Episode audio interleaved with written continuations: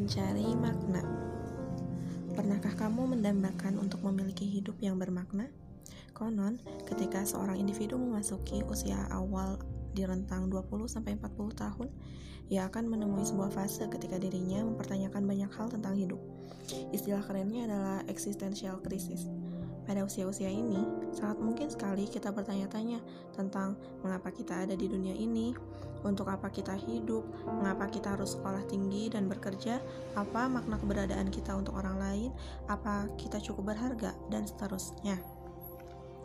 Apakah kamu pun pernah merasakan hal yang sama?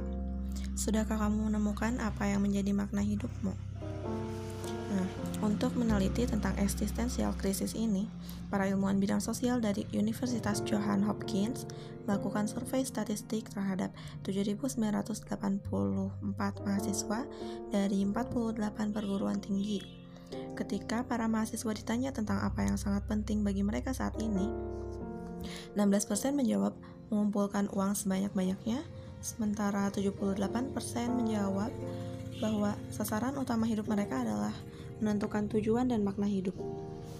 Jika pertanyaan yang sama diajukan kepada kita, jawaban apa yang akan kita ungkapkan? Apakah kita sudah punya jawaban?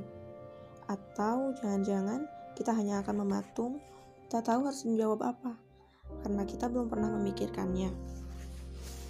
Nah, rupanya pencarian makna hidup memang sangat mendasar pada jati diri manusia. Bicara tentang hal ini, saya terinspirasi oleh buku Man's Search for Meaning yang ditulis oleh Viktor F. Frankl pada 1992. Buku tersebut mengungkap sudut pandang Frankl sebagai seorang penyintas kekerasan mematikan yang pernah berada di empat kawasan kem kematian Nazi yang berbeda-beda di antara tahun 1942 dan 1945. Membaca kalimat demi kalimat di buku ini membuat kita membayangkan betapa mengerikannya hidup di kamp konsentrasi. Keadaan juga menjadi lebih mengerikan karena ancaman kekerasan, penganiayaan, dan kematian menghampiri setiap waktu sepanjang hari. Dalam keadaan penuh dengan tekanan di kamp konsentrasi, sakit fisik yang diderita oleh penyintas sudah tak usah ditanyakan lagi. Dipukul, dicambuk, ditendang, ditelanjangi, dan disuruh untuk melakukan pekerjaan-pekerjaan kasar dalam keadaan lapar dan stres, tentu hal yang sangat menyiksa. Kondisi psikologis mereka juga sama menderitanya. Di awal dengan diawali dengan perasaan shock akibat menjadi tawanan, adanya siksaan emosional akibat terpisah dari keluarga, hilangnya kepekaan terhadap orang lain karena selalu sering disiksa dan melihat terjadinya penyiksaan. Kehilangan rasa optimis dan hanya ingin membunuh dan hanya ingin membunuh diri lewat kawat-kawat berduri yang diarili listrik. Hingga dipaksa untuk menemui kematian yang tak pernah diinginkan. Sakit kepala saya membayangkannya.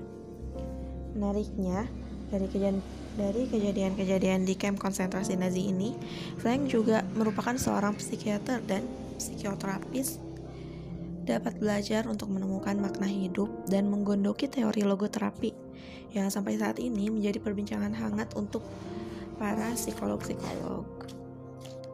Nah, kata logos berasal dari bahasa Yunani yang berarti makna. Logoterapi Percaya bahwa dorongan utama kita dalam hidup bukanlah kesenangan, melainkan penemuan dan pencarian dari sesuatu yang menurut kita bermakna. Dengan kata lain, perjuangan untuk menemukan makna dalam hidup seseorang atau yang dikenal dengan istilah will to the meaning merupakan motivator utama orang tersebut untuk menjalani kehidupan. Frank melalui logoterapinya beranggapan bahwa setiap manusia memiliki makna hidup dan hasrat untuk hidup bermakna yang menjadi motivasinya untuk meraih kehidupan yang didambakannya. Menurut teori ini juga, makna hidup bisa terdapat pada setiap situasi, bahkan dalam penderitaan dan kepedihan sekalipun. Selain kebebasan yang hampir tidak terbatas untuk menemukan sendiri makna hidupnya. Nah, membaca dan mengkaji teori milik Frank ini membuat kita membuat kita serasa memiliki panduan yang mumpuni untuk menemukan makna hidup saya sendiri. Saya terlatih untuk suka berkontemplasi, memaknai kejadian sehari-hari, dan juga mengasah kepekaan terhadap sesuatu. Tetap, tapi kemudian ada sebuah tanya yang terngiang berulang-ulang kali di dalam benak saya. Kalau hidupmu sudah bermakna, lalu apa? Apakah makna yang kamu temukan itu adalah benar-benar makna atau hanya prasangka tentang makna? Apakah makna itu dalam artian yang lebih dalam adalah sesuatu yang mengantarkanmu pada jalan pulang menuju robmu? Bagaimanapun kisah dari teori ini, ternyata menjadi pemantik bagi kita untuk tentang apa yang sebenarnya menjadi sebab kita ada di dunia ini, apa yang sedang kita lakukan saat ini, apa tujuan kita, tujuan hidup kita, ke mana kita harus berjalan, di manakah titik akhir dari kehidupan ini, dan apa yang terjadi di kehidupan setelah hidup. Tidak hanya itu, saya pun bertanya-tanya tentang apa yang seharusnya menjadi kejaran hidup seorang manusia apakah mencapai kesuksesan, menjadi terkenal, atau punya banyak uang?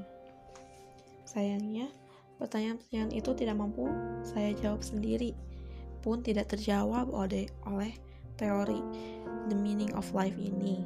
Lalu gimana? Jawaban atas pertanyaan itu saya temukan dalam sebuah video yang berjudul The Meaning of Life, video pendek 6 menit yang menceritakan bahwa hidup bukanlah sekadar menjalani rutinitas-rutinitas harian sampai akhirnya bertemu ajal.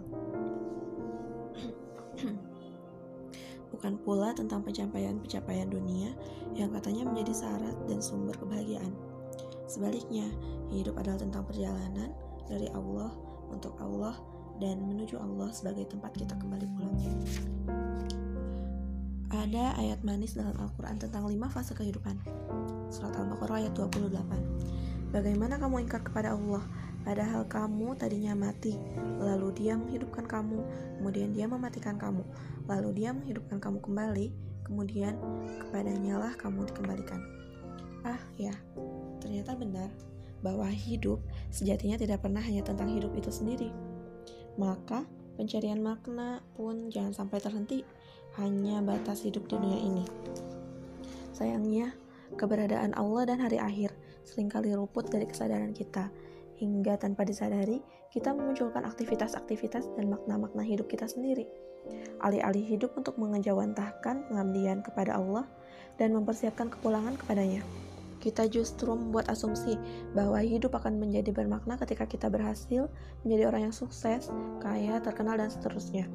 Waktu, tenaga, dan pikiran kita pun boleh jadi habis untuk memikirkan dan mencapainya. Padahal pada akhirnya hidup bukan tentang itu semua.